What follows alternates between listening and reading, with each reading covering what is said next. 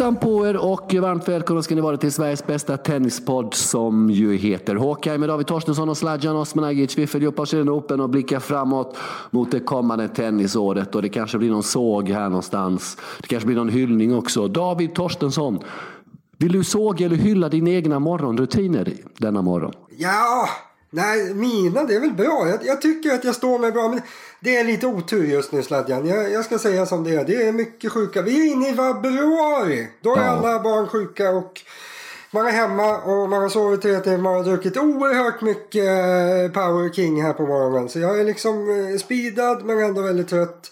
Du sa kommer det hyllningar eller såg. Det är upplagt för såg idag för jag är lite trött. Så vi hoppas på att det blir kontrollerade sågar, att det inte spårar ur. Du får säga till här om jag, om jag går över gränsen på grund av min eh, lilla trötthet här. Men ibland David, kan du faktiskt vara ostoppbar när du tar fram sågen och irriterar. Då, då går det inte att stoppa dig ibland. Vet du. Har du tänkt på det? Nej, ja, jag har full förståelse för det. För när jag blir övertygad och, och eh, liksom verkligen engagerad och drar igång sågen. Då, du har en poäng där. Jag tror faktiskt inte att du kan stoppa mig. Eh, men vi får se. Vi får se om vi har något ämne som gör att jag busar upp idag. Det, det kan bli lite vad som. Ja.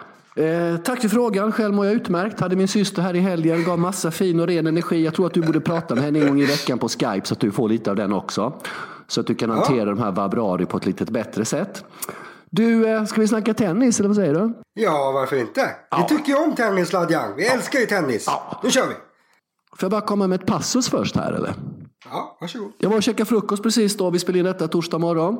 Mm. Satt eh, på mitt fik, eller mitt fik är det ju inte, eller jag är den hemliga ägaren. Nej, det är inte Nästintill. Nästintill. Ja. Sitter två konstnärer som växlar med att prata serbiska och franska med varandra. Jag har utgått dem härifrån, jag vet inte, eller de försöker upprätthålla sitt språk. Men de verkar utställningar utomlands. Det droppas Amsterdam, det droppas London, det droppas New York, det droppas massa namn hit och dit. Det kanske är ett stort skådespel, skådespeleri, jag vet inte David. Men det droppas en jävla massa. Och idag kommer man in och då pratar de om tennis, vet du.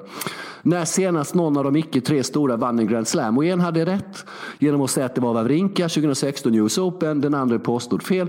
Jag gick in och, och, och bekräftade teorin om att det var Wawrinka 2016. Han som supportade den teorin tittade på mig glatt. Den andra tittade på mig mycket, mycket otrevligt.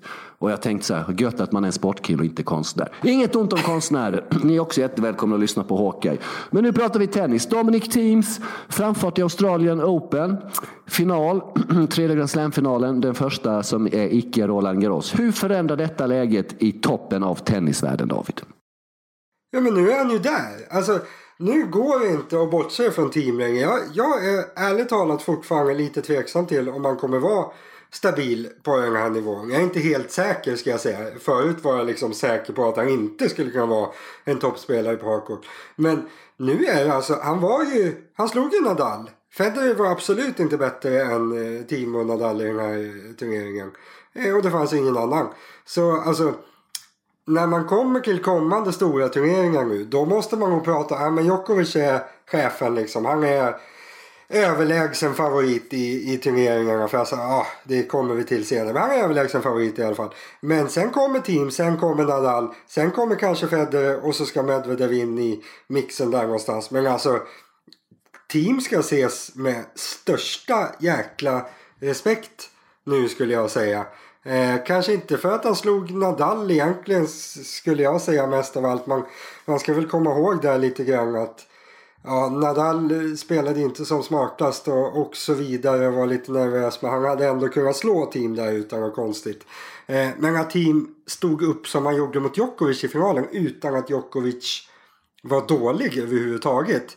Det är det ju ingen annan som gör. Det är bara att säga som det är. Att alltså, så bra som Djokovic var i den här turneringen och även till viss del i finalen. Eh, alltså Nadal hade inte haft någon chans. Federer hade inte haft någon chans. Medvedev hade, som jag tror i alla fall, inte haft någon chans. Så ja, är det någon som ska slå Djokovic i kommande turneringar då kanske det är team. Och det känns ju som en ganska stor förändring. Sen är det inte att det har kommit en ny spelare och tagit över. För som sagt, Djokovic är fortfarande bäst. Men Alltså när man pratar favoriter i kommande turneringar. Då ska man ju säga team direkt. Bland liksom utmanarna. Och ja, snackar vi franska öppna sladjan. Nu tror jag ju faktiskt att han kan vinna. Nu känns det som, alltså slår han Nadal på hardcourt. Då kan han slå honom på grus alla dagar i veckan. För David, vad vi har upptäckt lite grann här då med till exempel Raffa i finalen av ATP Cup då mot Novak och Raffa här mot Team. Du har varit inne på det på Twitter. Det är att han inte vågar klippa till med forehanden och då är det ju lite enklare att slå Raffa Nadal för motståndaren. Ja, så är det ju. Alltså, det är inget nytt för Nadal överhuvudtaget. Eh, när, när han möter lite sämre spelare som han känner sig avslappnad mot och som man vet att han ska slå i princip. Då har han ju en av världens absolut bästa offensiva forehands. Han är liksom en, en, en offensiv spelare som är i absoluta toppen. Hans drivande spel med forehanden liksom. Det, det går nästan inte att stå emot det. Men mot team här, alltså det blir ju det här duttandet. Det händer ingenting. Han slår forehanden precis så löst så att team inte har något problem att, att få tillbaka den liksom. Och när han väl då går på forehanden ordentligt då blir det liksom forcerat på något sätt. För han gör det så motvilligt. Han, han åker liksom in i det här att hela tiden ha 100% säkerhet på alla slag. Och det funkar inte nu för killen. Det funkade för 10 år sedan. Då kunde Nadal spela sådär att han inte slår ett enda slag som han inte är säker på att slå in. Nu har han liksom arbetat år för år för att komma bort från det där och våga ta lite risker. Men numera i de viktiga matcherna då blir det sådär nästan varje gång att det blir, det blir ett duttande med forehanden. Och då är han inte, han är inte bättre än någon som team. Eh, så ja, problematiskt för Nadal skulle jag säga. Tråkigt. Sen, sen har han mycket bra att ta med sig från den här turneringen också. Han var bra fysiskt och inga skador eller något sånt där. Men nej, jag vet inte hur det är i skallen på vår, vår gamla mentala monster där. Jag hade hellre tagit Team skalle just nu än Nadals skalle, det kan jag ju säga. Mm, vi får lite koll på Rafa, hur han jobbar med forehand under de viktiga matcherna 2020. Vi har väl en liten minispaning då på att vi är lite oroliga för hans mentala status i de viktigaste pengarna i de stora matcherna. Vi håller lite koll på det. Du, eh, vi har ju berört eh, när, när, när Dominic Thiem vann Indian Wells eh, i fjol. Slog ju Federer i finalen så tog vi upp det med att han har börjat jobba med Nicolas Massou sedan några månader tillbaka och inte med Bresnik som han har jobbat med sedan han var liten pöjk. Eh, och det är ju, eh, han har ju haft enorm utväxling Dominic Thiem sedan Massou kom in i bilden. Sen är det ju väldigt svårt att mäta av då vad en tränare betyder inte. Men känns inte detta som ett mycket, mycket intressant tennisäktenskap i början? Men de har inte ens jobbat i ett år tillsammans knappt David. Jo, men det gör ju. Sen säger du säger något viktigt där. Att det är någonting som jag tycker att man knappt kan. Jag älskar att spekulera. Jag är den här som liksom bara drar mina vilda teorier om hur, hur saker och ting står till. Medan du egentligen är den som liksom, du vill ju ha föt på fötterna för att säga någonting. Men just när det gäller tränare. Alltså, jag känner liksom, hur ska jag kunna veta vad en tränare gör för en spelare? Det är nästan helt omöjligt. Eh, min uppfattning är rent generellt att jag tror att tränare gör förhållandevis lite. Det är liksom inte, det är inte många procent en tennistränare eller tenniscoach kan göra. Men just det här, alltså det känns ju som att de verkligen har hittat varandra. Sen exakt vad det är, det går ju inte att säga. För ser man till Masou som spelare liksom och som, han, var, han var ju ingen mästerlig taktiker på det sättet. Han spelade absolut inte som team. Han var inte ens i närheten av så bra som team. Så det, det är svårt att hitta där vad han egentligen ska föra över till team. Men sen är det ju så oavsett om det är tennis, fotboll eller någonting annat. Det finns ju vissa spelare som kanske är lite otippade på att bli tränare som blir väldigt bra tränare. Fast man kanske aldrig hade sagt det under spelarens karriär. Sen finns det motsatser också som Stepanek sa jag, alltså det här kommer bli en bästa tränaren. Grattis till den som tar in honom. Så tänkte ju Djokovic också, tog in honom direkt när han hade slutat. Det har gått totalt åt pipsvängen för alla som har tagit in Stepanek. Det är Djokovic, det är Dimitrov, det är någon till. Så det där funkar inte. Han, han borde blivit världens bästa tränare men han blev liksom ingenting. Masou, jag hade inte gissat om jag så haft 50 spelare att välja på hade jag inte sagt att Masou, han skulle liksom vara en av de minst troliga att bli en bra tränare. Men tydligen så har, har det funkat med team i alla fall. Och ja, det, det känns väl som att de, de har hittat varandra helt enkelt. Och det är klart att någonting finns det för han har ju utvecklats väldigt bra under det året som de har jobbat tillsammans. Något har ju Masu sett som inte Bresnica sett som man uppenbart kan utveckla och göra Dominic Thiem till en bättre tennisspelare. Det ska bli intressant att följa det framöver. Du, det är dags för lite självrannsakan och självkritik här. Vi har gjort ett par grava missar eh, vad det gäller Dominic Thiem och hans team. Thomas Moster, den gamle grusspecialisten, Väldigt osympatisk på 90-talet när han spelade tennis. Var inte direkt den sportsliga typen. Kunde hitta ett grusmärke på linjen tre meter från var själva bollen slog ner och hävdade i fem minuter att det var just där den slog ner. Men det är en helt annan diskussion. Han blev då intagen i Teams läger då David, eh, två veckor innan Australian Open. Det missade vi. Vad vi också missade David, eller ja, jag tar på mig den, var det faktum att Dominic Thiem blev sparkad Nej, Muster han sparkar absolut inte sig själv. Det hade varit konstigt. Nej, Muster blev alltså sparkad av Dominic Thiem efter andra rundan i Australian Open efter femsetan mot Alex Bolt. Va? Och Wolfgang, teampappan, då, sa det att eh, Mosters stil var lite diktatoraktig. Då tycker man ju liksom att om ni ändå tagit in honom två veckor innan och pratat med honom och känt på honom, kunde inte upptäckt den tendensen då? då liksom, istället genom sparken efter, efter andra matchen. Eh, känns inte detta lite märkligt? Jo, alltså det är som du säger, Moster känns inte som den här mjuka, snälla killen att ta in som tränare. Alltså, ska man, jag vet inte hur mycket tränare han har varit förut överhuvudtaget. Alltså, det är väl ingen som vill ha honom som tränare. Men tar man in honom som tränare då får man inte räkna lite grann med då att äh, men nu kommer in en rivig jävel som kommer säga allt man gör fel och lite till. Och det var väl säkert vad han gjorde. Han sa väl åt Tim, äh, men vadå, du kan inte göra sådär. Du har aldrig ens gått till semi i en slam på hardcourt. Gör så här istället. Och då, då blev det liksom, då tyckte väl Tim att, ja men vadå? Jag vann Indian Wells förra året, jag är rätt bra ändå, var i final i slutspelet. Du kanske ska gå och dränka dig istället. Så det, det funkade väl inte, men som du säger, det var väl ingen skräll kanske. Han, han, han borde ju lite grann vetat om vad som skulle komma team. Och sen ska man väl säga också, ta in en gubbe som Moster som assisterande tränare. Det känns väl lite som att plocka in Mourinho som assisterande tränare. Typ. Men alltså, en assisterande tränare ska väl ha någon slags eh, ah, smidighet i sig. Och det tror jag kanske inte Moster har riktigt. Han bränner nog mest på. Men det är ju fascinerande. Alltså, team började ju turneringen rätt dåligt som du säger. Han hade ju kunnat torska mot alltså, Alex Bolt som är en hyfsad challenger-spelare. Alltså det var, det var ju ganska nära att han förlorade den matchen. Eh, sen efter det sparkade han Moster och så gör han sitt livs bästa turnering och håller på att vinna Australian Open. Så, ja, Moster kan inte känna sig som någon supervinnare. Han stod ju och grät ut lite med Becker i någon intervju i Eurosport där att han kände sig orättvist behandlad och allt det var. Så, nej, han känns inte som en supervinnare just nu, Thomas Moster. Det gör han faktiskt inte. Han spelade ju dubbel även i den här veteranmatchen med Mats Wilander mot Brendan McEnroe. Han var väldigt risig i den matchen måste jag säga. Men det är en helt annan diskussion. Just det, och David, när vi ändå håller på med självrannsakan och självkritik av oss själva så har vi gjort ytterligare en gigantisk stor miss här vad det gäller Dominic Thiem i november. Vi har ju berättat tidigare i programmet i HK, Sveriges bästa tennispodd, som även pratar lite grann om eh, relationer mellan olika tennisspelare. Och en relation vi har talat mycket om nu är den mellan Kristina Mladenovic och Dominic Thiem. Det tog slut i november, David. Hon var inte i boxen i finalen mot Djokovic. Detta har vi missat fullständigt. Vad fan håller vi på med undrar jag? Alltså har vi den plikten att vi ska reda... Alltså, har vi, har vi nyhetsrapportsplikt på relationerna? Är, är vi så bra att vi har det? Är det det du menar? Vad jag menar är, om vi rapporterar att en tennisspelare tillsammans med en annan och pratar om det och sen tar det slut och det har varit slut i två, tre månader och vi har missat det, då tycker jag vi har gjort en tabbe. Jag håller med. Hur går det för Svetlana och eh, Monfa? Har vi någon uppdatering där? Du tänker på Svitolina och Monfils? Eh, Elina ja. Svitolina, ja. och inte Svetlana. Nej, de är tillsammans fortfarande har jag förstått hela De har det bra. Ja, härligt.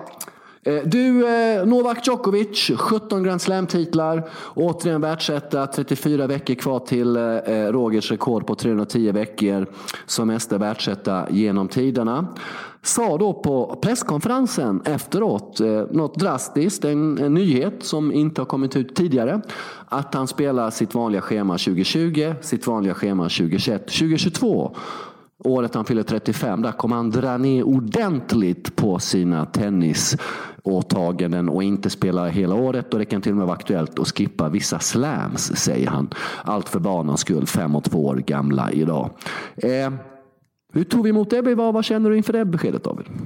Vad spelar man om man skippar vissa slams? Spelar man Australian Open, Wimbledon och så spelar man inget mer då? Det känns ju som, säger man så, då, då, då spelar man inte alls.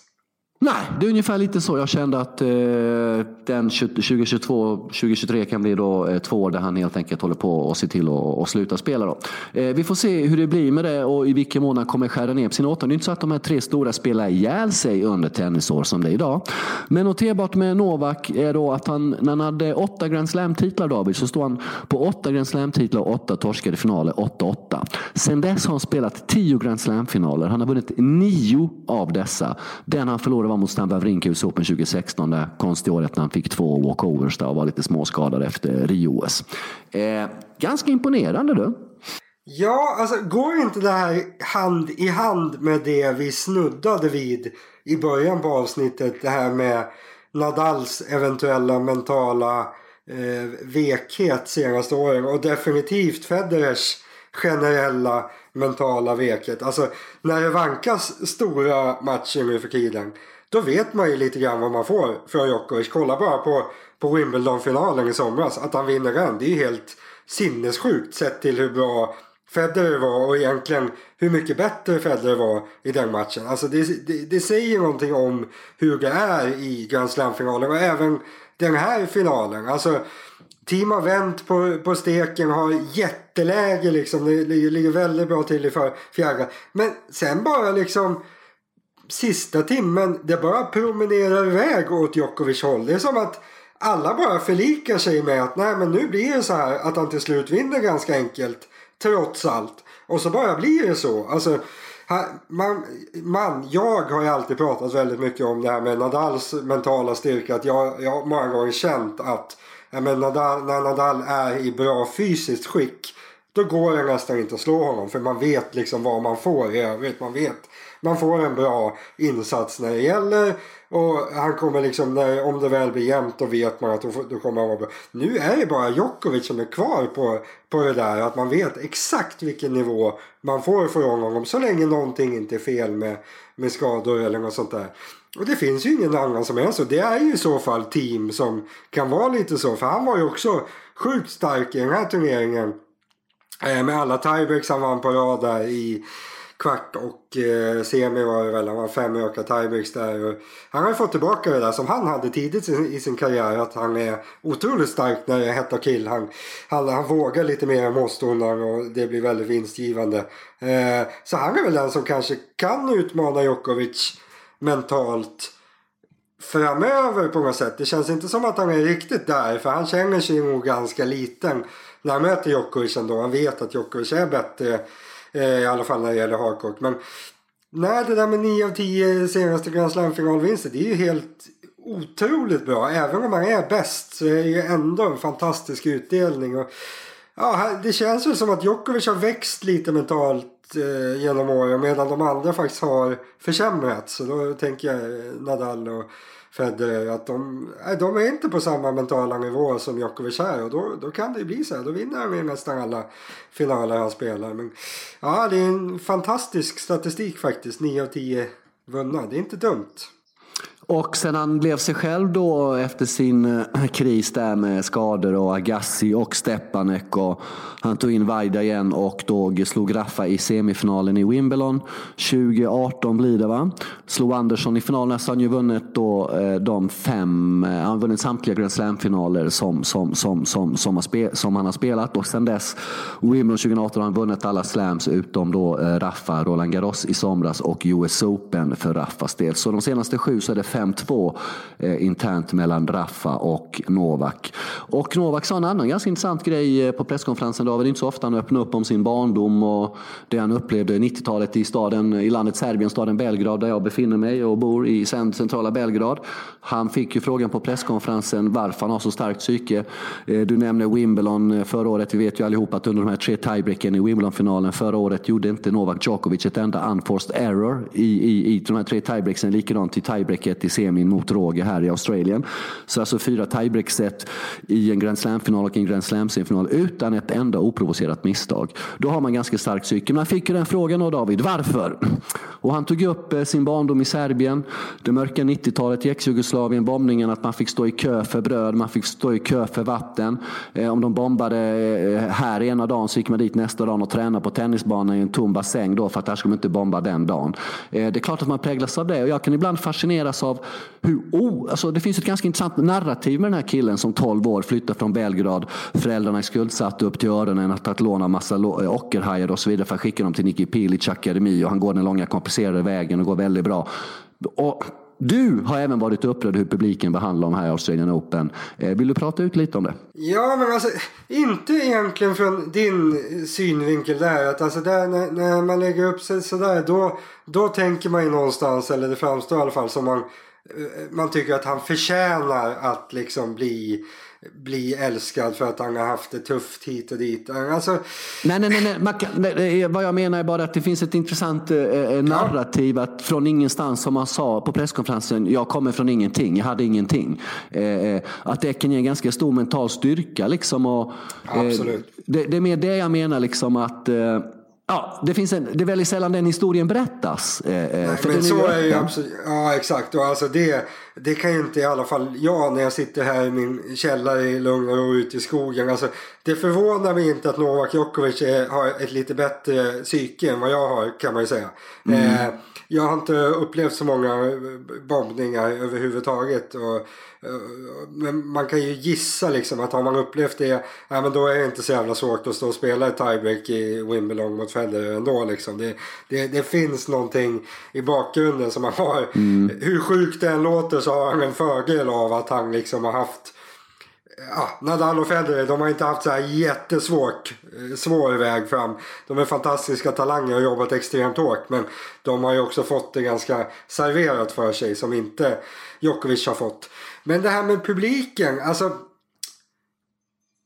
Nej, jag kan faktiskt inte riktigt förstå det. Det slog mig väldigt tydligt här nu i Australian Open-finalen. Jag såg det var någon amerikansk journalist som skrev en, en lite så här humoristisk eller försökte humoristisk tweet på vilka, vilka spelare är de som folk hejar mest på. Då var det så här, äh, men Federer i Wimbledon, Nadal i någonstans. Och på plats tre, vilken spelare som helst som möter Novak Djokovic i någon Grand Slam-turnering.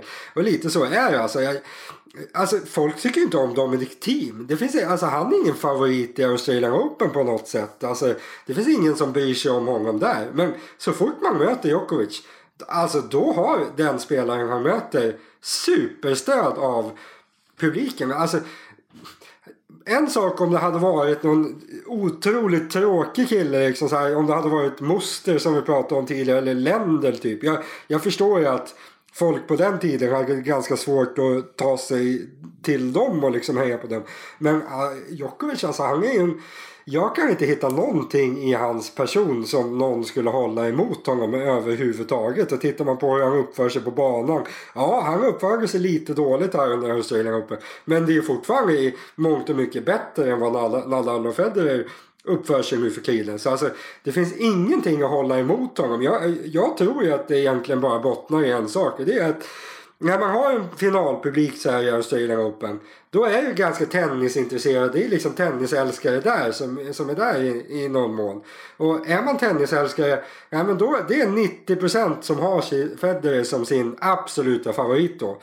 Och har man Federer som sin absoluta favorit då är det ju liksom då, då ser man det som att det är Djokovic som har kommit och förstört världsbilden. För hade det inte varit för Djokovic då hade Federer fortfarande varit kanske inte odiskutabel liksom superhjälte. Han hade ju fått slåss mot Nadal då. Men det, Nadal har ju folk eh, accepterat på något sätt. För då hade Federer kvar, här, men han slår i alla fall Nadal på gräs och på hardcourt har han bra chans. Sen torskar han på grus hela tiden. Men sen Djokovic kom, då har ju Federer liksom marginaliserats på något sätt. Han vinner inte så mycket på grund av Djokovic. Och det är det, det, jag hittar verkligen ingen annan förklaring till att folk hela tiden håller på motståndaren som Djokovic möter. I det här fallet, jag tycker faktiskt att det är konstigt. För ser man rent objektivt på jag, jag tycker att det är lättare att gilla Djokovic än team till exempel. Så att, att det, var, det kändes i alla fall som att det var av den neutrala publiken som var där så hejade nästan alla på team. Och även om man ofta hejar på underdogen så är anmärkningsvärt faktiskt att liksom tidernas bästa tennisspelare är så otroligt ouppskattad av publiken. Jag tycker det är väldigt konstigt och man märker också hur jobbigt han själv tycker att det är. Han kämpar liksom så hårt för att på något sätt någon gång bli uppskattad men det biter nästan ingenting. Så, nej, det är nog tråkigt för honom faktiskt. För han, det, det, det, känns som att han, han är inte nöjd med att bara vara bäst. Han skulle vilja bli lite älskad också. Men det, det kommer han förmodligen aldrig bli för det här med... Ja, det var han som förstörde för Federer liksom. Det, det, det kommer alltid finnas kvar i folks ögon tror jag. Mycket fokus på det här med älskad, men jag kan tänka mig att han skulle uppskatta och bli respekterad och uppskattad. Att kanske inte i, på Red, Rod Laver Arena, Melbourne Park, där han har vunnit sju inför matchen mot team nu åtta gånger. Då, att man inte ska behöva bli utbuad eller att folk ska applådera när han missar servar och gör, och gör unforced errors. Där kan man ju tycka att en åttafaldig mästare åtminstone kan få slippa det. Eh, kan jag tycka. Och vi har tagit upp det förut. Av 26 Grand Slam-finaler har han haft publiken mot sig 25. Enda gången han hade med sig var när han vann Roland Garros mot finalen i Andy Murray. Och detta gjorde ju då David att vi kom in på en hypotetisk diskussion häromdagen när vi hördes i vår vardagstristess och pratade lite med varandra. Och ni ska veta att de samtalen de är jävligt mycket bättre än den här podden. Tvärtom, bara skojar. De samtalen skulle ni gärna vilja lyssna på. Va? De är lite spretigare kan man säga. Ja, ja. och då kastar jag ut ett påstående David, som du förhöll dig lite skeptisk till. Och i och med att vi har fått väldigt lite lyssna med den här veckan, slarvigt av er, ni får skärpa er. Ah. Och då skriver ni in till hawkeye så ska vi kasta ut ett påstående nu som vi vill ha in feedback från er via mejlen. Och då kastar jag ut detta påstående. Mycket hypotetiskt nu. Om Rafa Nadal och Novak Djokovic möts i final på Roland Garros i juni hävdar jag med en dåres envishet, David Torstensson och samtliga Hawkeye-lyssnare, att den franska publiken kommer stödja Novak Djokovic. Det säger inte du? Nej, jag tror inte Nej.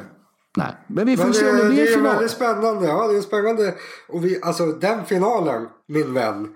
Den skulle vi vilja se, eller hur? Skit i team, man får vänta något år. Tänk en final, eh, Djokovic-Nadal. Och jag tror ju definitivt att Djokovic vinner den. Men det är en helt annan historia. Matchen, den skulle vi vilja se. Den skulle jag vilja se. Eh, Roland Garros, prio 2 för Djokovic i år. Tokyo är såklart prio 1. Den har han inte och det blir ju då sista chansen för honom, skulle man kunna säga. Eh, vad känner du äh, äh, angående det faktum att Roger Federer, hur lång blir hans tenniskarriär nu när Djokovic har gått ut med det här beskedet? Att han kör full kalender, eller det som är full kalender i hans värld, 20 och 21 och sen trappar ner ordentligt 22. Vad kan det innebära för Rogers beslut och hur länge han kommer hålla på? Ja, alltså jag tror ju min, jag tar inte så hårt på det. Jag, jag tror personligen inte att hur mycket man, äh, men säger han så så är det så. Så kan man tänka. Men jag tänker att alltså hur vet Djokovic nu vad han vill göra om två år? Jag har så svårt att spekulera kring det där. Men har, har du någon tanke? Tror du att det påverkar Roger? Ja, det är ju knepigt läge. Eh, 2019-17 har vi då i tabellen över vunna Grand Slam. Så att eh, eh Raffa har en eller två Roland Garros till i sig. Eh, kanske någon US eh, Raffa har ju en eller två tre, eh, till Grand Slams i sig. Eh, Sen ska ju inte Roger hålla på i all evighet heller. Samtidigt så tar han sig till semifinal av Australian Open och, och, och, och, gör, det, gör det till en, eh, med lite fysiska problem liksom utan att ha spelat innan. Så det finns ju så mycket i honom där. Och den är ju jättesvår alltså. Den är ju supersvår att spekulera i. Jag tror det kan handla lite om eh, hur mycket vinner Djokovic 2021 också för Rogers beslut. Eh, så den, den är jättesvår alltså. Den, sen tror jag inte då... Jag tror inte att Roger har, tror vi att Roger har mer än två år till i sig. Alltså, ja, det är väldigt svårt att se. Inte. Ja, jag tror det känns... Nej, det känns inte sannolikt. Så även om man visste att Novak lägger av, alltså man visste att Novak lägger av helt och hållet efter, efter 2021 så liksom Nej, ska en 40-årig Federer då kunna vara den som tar över efter Djokovic då? Det är klart att det skulle kunna kittla honom lite. Det, det ska man inte sticka under stolen med. Men nej, långsökt alltså att han skulle kunna ha det i sig. Jag tror inte det. Du, eh, Roger och Raffa spelar uppvisningsmatch i Kapstaden, Sydafrika. Eh, fredag. Det är då första gången eh, Roger Federer, som har varit på touren i 20 år, spelar då i sin mammas hemland Sydafrika. Eh, 11 dollar kommer inträdet kosta. Man siktar på en rekordpublik. Det är ett stort fotbollsstadion på 50 000 pers och det är då till Rogers stiftelse allt går. Så det är Roger som har kallat på Rafa, Rafa tackat ja, precis som Rafa kallade på Novak i Kazakstan i det som en gång hette Astana som heter något annat nu som var jättejobbigt. Så de här tre, eh, det, Rafa jobbar med båda två men Novak och Roger jobbar inte så mycket med varandra. Nej men det, blir väl, det är väl bra. Det känns väl som en rätt fräsch uppvisningsmatch. Eh, alltså det här med Kazakstan, Nadal och Djokovic för att åka dit och sprida glädje till barnen. I slutet på förra året. Ja, nej, jag tyckte väl kanske inte det kändes så här superfräscht. Men här finns det liksom Djokovic, eh, Djokovic, det är mycket Djokovic. Roger ska jag säga. Eh, skulle åka till Namibia någon sväng innan och visa upp sig lite så folk fick titta på honom. Sen åka till Sydafrika som han har eh, lite anknytning till med sin mamma där. Och jättestor arena billigt inträde. Nej men det där känns väl okej. Okay. Den här veckan, det där tycker jag, det där är väl en bra grej att göra. Ska sändas på tennis-tv förresten den där matchen. På, eh, imorgon är den va? Fredag. Eh, ja. Fredag i alla fall. Eh, så det kan man titta på. Mycket publik och vi får väl se. Det blir väl lite Eh, när, när Fender och Nadal spelar mot varandra och ska försöka vara lite roliga eventuellt sådär. Det blir ju inget bra för de är ju jättetråkiga båda två. Så uppvisning Federer och Nadal. Det, det luktar lite pinsamt och eh, sådär. Men eh, många som gillar det. Så det kan väl bli eh, kul. Det är inte så mycket annan bra tennis den här veckan. Så det kan man väl titta på. Vem tror du har bäst relation till sin mamma? Roger, Raffa eller Novak? Om du får spekulera hej vilt. Du älskar att spekulera, ja, säger du. Varsågod. No, no, Novak skulle jag säga. Han känns väl... Novak är väl den här som är väldigt fokuserad på att... Han lägger nog mycket kraft på att hålla ihop familjen tror jag Novak. Jag tror Nadal också i någon mån. Men jag tror Novak eh, lyckas bättre. Jag tror han har eh, våldsamt bra eh, kontakt med sin familj. Eller vad säger du? Ja, jag hör ju mycket med tanke på var jag bor och eh, det är sånt där vi får ta upp i våra privata samtal tyvärr för er som lyssnar. Eh, ja. Du, du eh, Danny Medvedev är ju inte arvtagaren just nu då när, när Dan, Dominic visade framfötterna. Kommer du ihåg inför AO när du sa fan vad skönt att det, Danny blev sidad fyra och inte Dominic så att de fyra bästa är där. Vad elak jag är emot det. Men du, kan han bli äggad av Dominic Teams? Kan han ägga upp och bli taggad av det här Danny? Danny? Skulle inte team vara, skulle inte team vara turneringens flopp i Australian Open? Du, du är snäll mot mig den här veckan. Som men det tog vi förra veckan så det behöver inte Ja men du skulle ju kunna knugga in den nu. Nej, nej, nej, nej, nej. Du är snäll idag. Du tänker på att jag har sovit lite lite och ja. labil och så vidare. Nej yes. men. Alltså det här ska jag säga. Det är en av mina svagheter. Jag reagerar ju ofta väldigt hårt när det händer någonting. Att alltså när Danny kommer upp i slutet på förra säsongen. Ja, men då kände jag nu är han där. Och sen nu är han bara dålig och då tänker jag att ah, men hur fan ska han kunna utmana de här? Det känns ju helt osannolikt. Så vänder de några, några veckor eller någon månad igen och så är han där uppe och hotar dem. Eh, men just nu alltså jag har ju faktiskt, jag, jag tror aldrig jag sagt att Medvedev är något superhot mot de bästa som det är nu. Jag tror jag har sagt liksom att nej men nu är han precis bakom dem. Nu har vi en som har stuckit ut från den här grå massan bakom och det var han. Men jag kände faktiskt aldrig att alltså, i en Grand Slam-match så skulle jag nog inte säga att Medvedev har en riktigt bra chans att slå Djokovic. Det tror jag är så inför Australian Open också. Du pratar ofta om att motståndare, som jag har sagt för Djokovic. Men när det väl vankas viktig match i Australian Open då skulle jag ändå alltid säga att nej men om Djokovic bara spelar ordentligt så vinner han. Eh, så eh, där har väl team tagit ett lite större steg än vad Medvedev gjorde egentligen förra säsongen. För Team slår Nadal nu utan att det är något konstigt. Han är väldigt, väldigt nära att slå Djokovic utan att det är något konstigt. Så Teams steg uppåt här tycker jag egentligen är ännu mer anmärkningsvärt än Medvedevs förra säsongen. Sen när det gäller poängsamlande och allt sånt där. Alltså Medvedev har tveklöst en chans att utmana team där. Han kommer såklart gå superbra i år också Medvedev. Han kommer liksom vräka in poäng. Han kan mycket väl sluta före team på rankingen till slut. Men när vi snackar stora turneringar och vinstchans och sådär. Då har ju han halkat ner till plats fem nu igen. Medvedev. Det är ju inget snack om. Men jag vet inte han påverkas väl inte så mycket av det här egentligen. Han, han måste ju fortsätta utvecklas och bli ännu, ännu bättre. För då kan han slå de bästa. Så att team har gått om honom nu. Jag tror inte det spelar så stor roll egentligen i hans värld. Han måste liksom fortsätta bli bättre bara. Det är inte svårare än så. Du vet, tennis det är mycket man ska tänka på nu för tiden. De har ju fitnesscoacher, det är fysioterapeuter, massörer, det är tränare, det är assisterande tränare, det är liksom statistikmänniskor som servar liksom hit och dit och blaha blaha. Men Danny Medvedev är 1,98 lång, fortsätter att envisas med att flyga ekonom, ekonomiklass reguljärt mellan Europa och Australien. Hur i helvete, för att han inte tycker, han tycker det är dyrt att lägga ut tusen euro med sina pengar på en business class-biljett. Alltså där får han ju skärpa till sig alltså, så han kommer lite mer utvilad och komfortabel till turneringen. Det är väl jättesympatiskt Sladjan, det är klart han ska göra det. Men är Va? det bra för en tennisspelare att flyga reguljärt ekonomiklass 28 timmar? Han förlorar väl inte på grund av att han sitter lite jo dåligt två veckor och inga Jo då, det är den hemliga. Nej, det är du med din jävla business Sladjan. Jag ska tala om en sak för dig Torstensson. Det är bara business, business, business. Jag ska tala om en sak för dig Torstensson och alla andra som lyssnar. När man åker över, över pölen till Atlanten, det är en jävla skillnad på att sitta 10 timmar i ekonomiklass och 10 timmar i business class. Man gör ett mycket bättre jobb när man kommer efter 10 timmar business class än ekonomiklass. Det var det. Jag ville bara komma med den inputen till Medvedev-lägret. Du, Zverev åker sannolikt, kanske till och med first class kan jag tänka mig.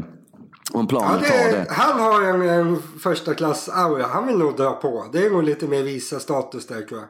Ja. Semifinalen Open, personligt rekord. Vad ska vi förvänta oss av honom? Man vill att det ska hända lite, att han ska komma tillbaka till den bra Svera och inte det upp och ner-grejen som slår 68 dubbelfel i en match. Absolut ingenting. Nej, alltså, det var hans största framgång hittills skulle jag säga. Det här. Alltså, han har vunnit slutspelet men det är lite... Nu höll jag på att kalla slutspelet för en kalanka turnering Men det är lite sådär inte riktigt. Jag, alltså jag ser ju egentligen vanliga Masters-turneringar som större än slutspelet. Slutspelet är lite mer firmafest eller vad man ska säga för spelarna. Och så vidare. Så det här är alltså semifinalplats i en riktigt stor turnering. Ja, hans största framgång hittills. Men alltså vad långt upp han har till de bästa så är det. När man ser, alltså han, han, han hängde faktiskt med jättebra mot team. Team gjorde ingen bra match överhuvudtaget där. Men alltså att Zverev med sitt bollande skulle slå typ Djokovic i en viktig match. Nej, det är, det, det, jag skulle säga att det är omöjligt som läget är nu. Så det som hände, han fick ju lite ordning på servern. Eh, det, liksom, lite ordning på, på det mentala överlag. Och då, då blev det plötsligt att då slog han sämre, de sämre spelarna ganska enkelt helt plötsligt. Men mer, mycket mer än så är det faktiskt inte. Han hade en jätteenkel lottning. Och... Nej, jag, jag, tycker faktiskt inte man behöver prata så mycket om Zverev överhuvudtaget just nu. För han är, han är absolut inget hot i toppen. Det är, för honom handlar det typ om att kriga för en slutspelsplats. För han har ju han har de här fem som är överlägsna framför sig. Sen har han Tsitsipas som är klart bättre än honom som är sexa. Sen finns det två platser här bakom. Jag vet i skjutsingen om Sverige kommer lyckas ta en av de där två sista slutspelen. Jag tror faktiskt inte det. Så trots semifinalplatsen så skulle jag säga ja, jätteframgång för Sverige men svalt ändå. Så jag ser honom inte som en toppspelare just nu. Margaret Court, 23 Grand Slams, mest i historien. Vem, når, vem kom upp på 23 och tangerar henne, eh, eller förlåt, på 24 och går ikapp henne först? Serena Williams eller Novak Djokovic? Den frågan den börjar bli relevant. Det är ju helt eh, sanslöst egentligen. Det kändes som, ganska nyligen kändes det som hon bara kunde promenera hem turneringar. Eh, bara sådär. Men nu vinner hon ingenting. Så, eh, vad sa du? 23? Är det 23 man ska vinna? Djokovic alltså... Nej, jag tror inte han vinner så många Djokovic. Så det blir ingen av dem då? Eller tror du Serena vinner någon mer? Eh, oh, oh, oh, oh, oh. No, det kan hon göra. Kan vinna Wimbledon, kan vinna US Open. Men kan ska... hon slå de här unga spelarna som jag tittade lite grann i alla fall på några matcherna. De har ju, alltså, de har ju börjat röra sig väldigt bra. De slår ganska hårt. De har inte de här uppenbara hålen i sitt spel som damspelarna kanske haft förut. Som jag har sett i alla fall. Alltså, om man gör sig så dåligt som Serena, vad, vad, vad, vad, krävs det för underlag för att hon ska vinna? Är det liksom en, en, en vattnad gräsbana som hon får maximal utdelning? Är det typ det som krävs? Jag, jag tror faktiskt inte hon vinner något mer. Nej, grejen är ju den att om Osaka och är på en, en bra dag så kan inte Serena slå dem på något underlag. Nej, det känns inte så. För alltså hon, jag, jag, det är nog svårt att spela om man inte gör sig bättre än många. Exakt, och Muratoglu gick ut nu. Vi måste fejsa som det, är, lära oss av misstagen och hit och dit och ta till oss. Men så länge hon kan komma ut i hörn. Alltså problemet blir ju att hon rör sig så jäkla dåligt. Hon får inte tid eh, att slå. Det här kan ju se till och med jag som inte har spelat tennis. Hon får inte tid med sin baksving. Allt blir bakvänt. Så hon är inget hot. Hon är inget hot överhuvudtaget. Och liksom att hon åkte så tidigt i år då mot en ganska oetablerad spelare och hur chockade de är att de fortfarande tror på det här. Jag menar, vi har berört det här förut. Hur mycket tid lägger hon ner på gymmet? Hur mycket agility tränar? hon? mycket visst hon är gammal och det är sent. Men jämför då med Roger Raffa och Novak. Hur mycket har inte de utvecklat sitt spel under sin karriär och livslängd och gjort förändringar? Alltså, de är bäst i världen de här tre. De har flest Grand Slam. Men vad har Serena utvecklat? På så sätt blir det lite sådär som vi kritiserade Novak för ett tag förra året. David, att eh, det kommer till en gräns när man lägger ner för lite tid på sin tennis. Att du kanske inte respekterar dina motståndare för att du tror att du ska vinna ändå. Och där någonstans har ju Serena Williams varit sedan hon kom tillbaks. Och den här frossan i finaler. Vad är det? Fyra Grand Slam-finaler sedan hon kom tillbaka från mam eh, mammaledigheten och hon har inte tagit ett set. Så hon har ju flera hinder. Du har ju först att ta dig till final och sen överkomma det hindret när du väl är där. Och veta det då att om, de här, om motståndarna har en riktigt bra dag och gör vad de ska och spelar på hennes svagheter, då har inte hon en chans. Så varför fortsätter hon? Om hon inte vill utveckla sitt spel. Där någonstans, det är den man skulle vilja prata med henne och Muratoglu om. Ja, det är väl lite så här att alltså han, det han sa, du länkade den här artikeln till mig där han sa att liksom, ja, men det här, man måste se sanningen med vita ögat och jag håller inte. Det, det, det är jättebra att säga sånt men alltså helt ärligt, det, om det kommer liksom herrspelare som var i så uppenbart fysiskt liksom otränat skick. Det hade ju det hade pratats väldigt mycket om det. Så alltså det, det är väl, hon måste väl börja träna fys antar jag. Det, om hon blev fixade till fysen så att hon kunde röra sig lite bättre. Det är liksom inte att hon inte kan röra sig våld. ålder. hon ser väl inte särskilt tränad ut. Och då, med, med tanke på att i min värld så har hon blivit lite bättre eh, motståndare. Det finns ganska många som har liksom bra allround-spel på något sätt. Att de rör sig bra och de är ganska bra i, i bollandet. Och då om inte hon kan pallra sig ut i hörnen då vinner man ju inte. Så, nej, min eh, högst eh, amatörmässiga analys är väl att hon vinner inte någon mer om hon inte gör något åt träningen. Det tror jag väl egentligen inte hon kommer göra. Och Novak vinner ju inte. Han vinner inte så många. Så det där rekordet får stå sig helt enkelt. Ja, eh, vi kan också nämna att Bianca Andrescu som eh, vi tycker är jättebra var ju inte med i Australian Open skadad. Och det är ju, det är ju, det är ju, hon är ju, när hon är fit for fight och, så är hon ju den bästa spelaren på damtouren. Kenin vann! Kenin Säg vann. någonting om det Sladja. Ja, jag säger bara att jag fick in Kenin som vinnare, fick in Djokovic som vinnare. Det är allt jag har att säga. var det, du, eh... Kenin, var det något så internt som du sa i duschen två veckor innan? Eller när sa du det? Jag sa ju det för sändningen förra veckan. Du frågade vem vinner Kenin eller Muguruza. Jag sa Kenin ja. Det var ju för fan inför finalen. Ja. Man ska säga innan mästerskapet. Ja, det sa jag Djokovic. Och då sa jag Federer. Det var jättenära. Ja. Jag hade egentligen rätt. Han vann ju på... Nej, det gjorde han inte alls. Yes. Håkarsnabelabetta.com. Eh, lägg ut, skicka in era mejl dit. Och vem kommer om Roger, om Raff och Novak spelar final Roland Garros i sommar, vem kommer publiken stödja? Vi har pratat mycket om tennisens elit här David, de stora. Men tennisen har en bakgård också. En bakgård som du älskar att bevaka. Och din favoritbrasse, mannen du drömmer våta drömmar om emellanåt. Chausosa har blivit avstängd på livstid. Vad är det som har hänt?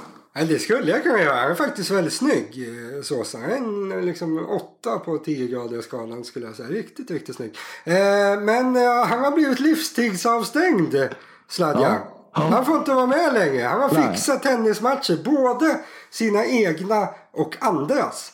Och då är man alltså man är uppe på Daniel Köllerer nivå. Eh, ni som lyssnar minns nog honom. Annars eh, youtuba honom. Googla youtuba Köllerer Hernandez så kommer ni få se. Han var he helt galen och fixade matcher åt höger och vänster. Var i princip öppen med att han fixade matcher på slutet. Han bara körde. Eh, det här med Sosa det känns ju, det är lite på samma nivå. För alltså när de, de går ut så tydligt med att han har gjort upp matcher och han har även gjort upp andras matcher. Och när man kan bevisa att han har gjort upp andras matcher. Eh, eh, han måste ha gjort det väldigt, väldigt tydligt. För det, alltså egna matcher, ja det går att bevisa ja, till liksom 99 procent. Ganska enkelt. Men att kunna bevisa att han aktivt har försökt styra upp sina kompisars matcher. Eh, nej, då har inte varit särskilt smidig. Så han, eh, eh, han må vara snygg, eh, men han är nog inget eh, geni riktigt. Han får inte spela något mer.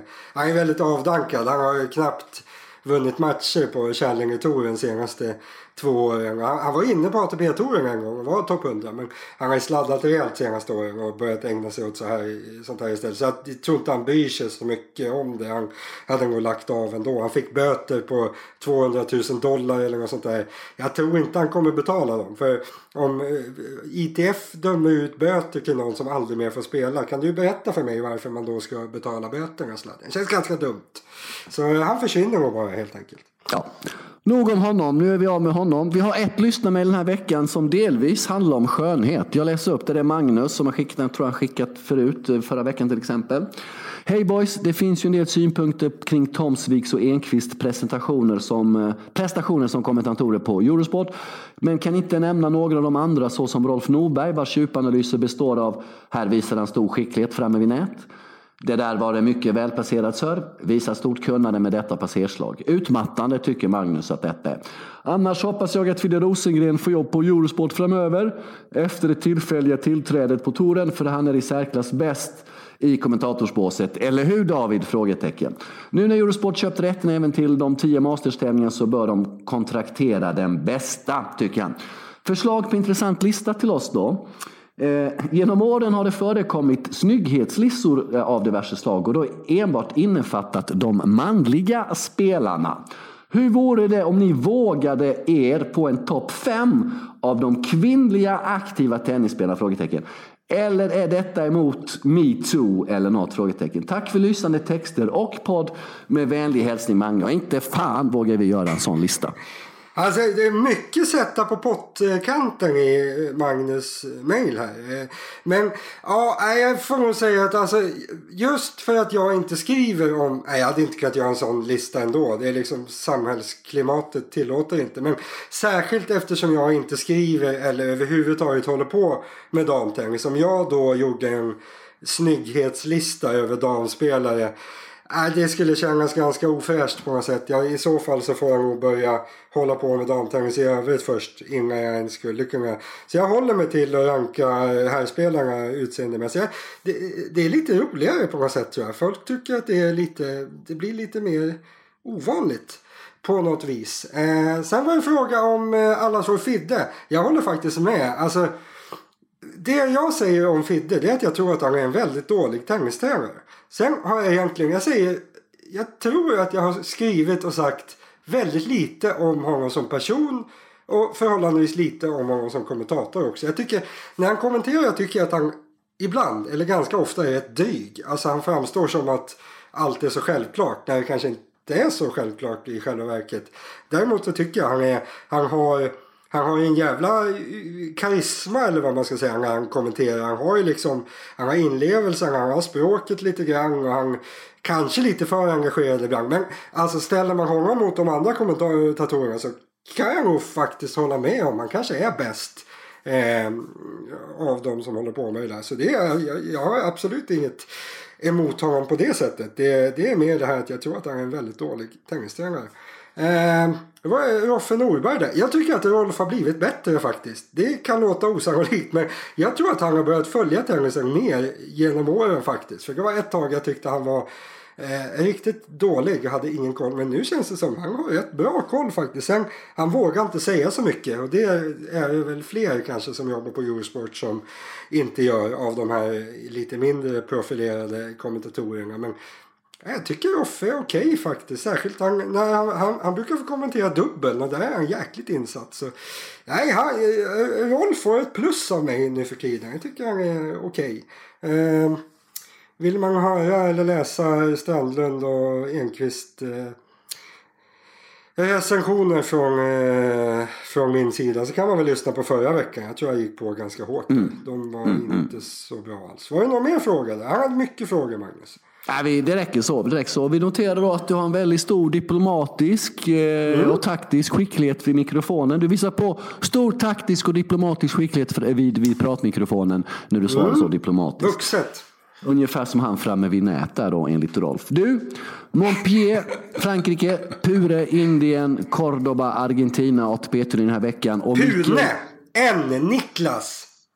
Pune, förlåt, exakt, exakt. Pune, sa jag, Pune, ja. Eh, eh, eh, ja, Ymer slog Sinner och ska spela mot Krinovic senare idag. viktig seger för Mikael, va? Ja, bra seger. En av dem, om inte den bästa matchen jag sett honom spela faktiskt. Jag har inte sett alla matcher han spelat men jag har sett många matcher han spelat. Och det här var spelmässigt bland det bästa faktiskt. Han vågade slå till bollen lite mer än vanligt och gjorde det riktigt bra. Han hade lite offensivt spel i matchen.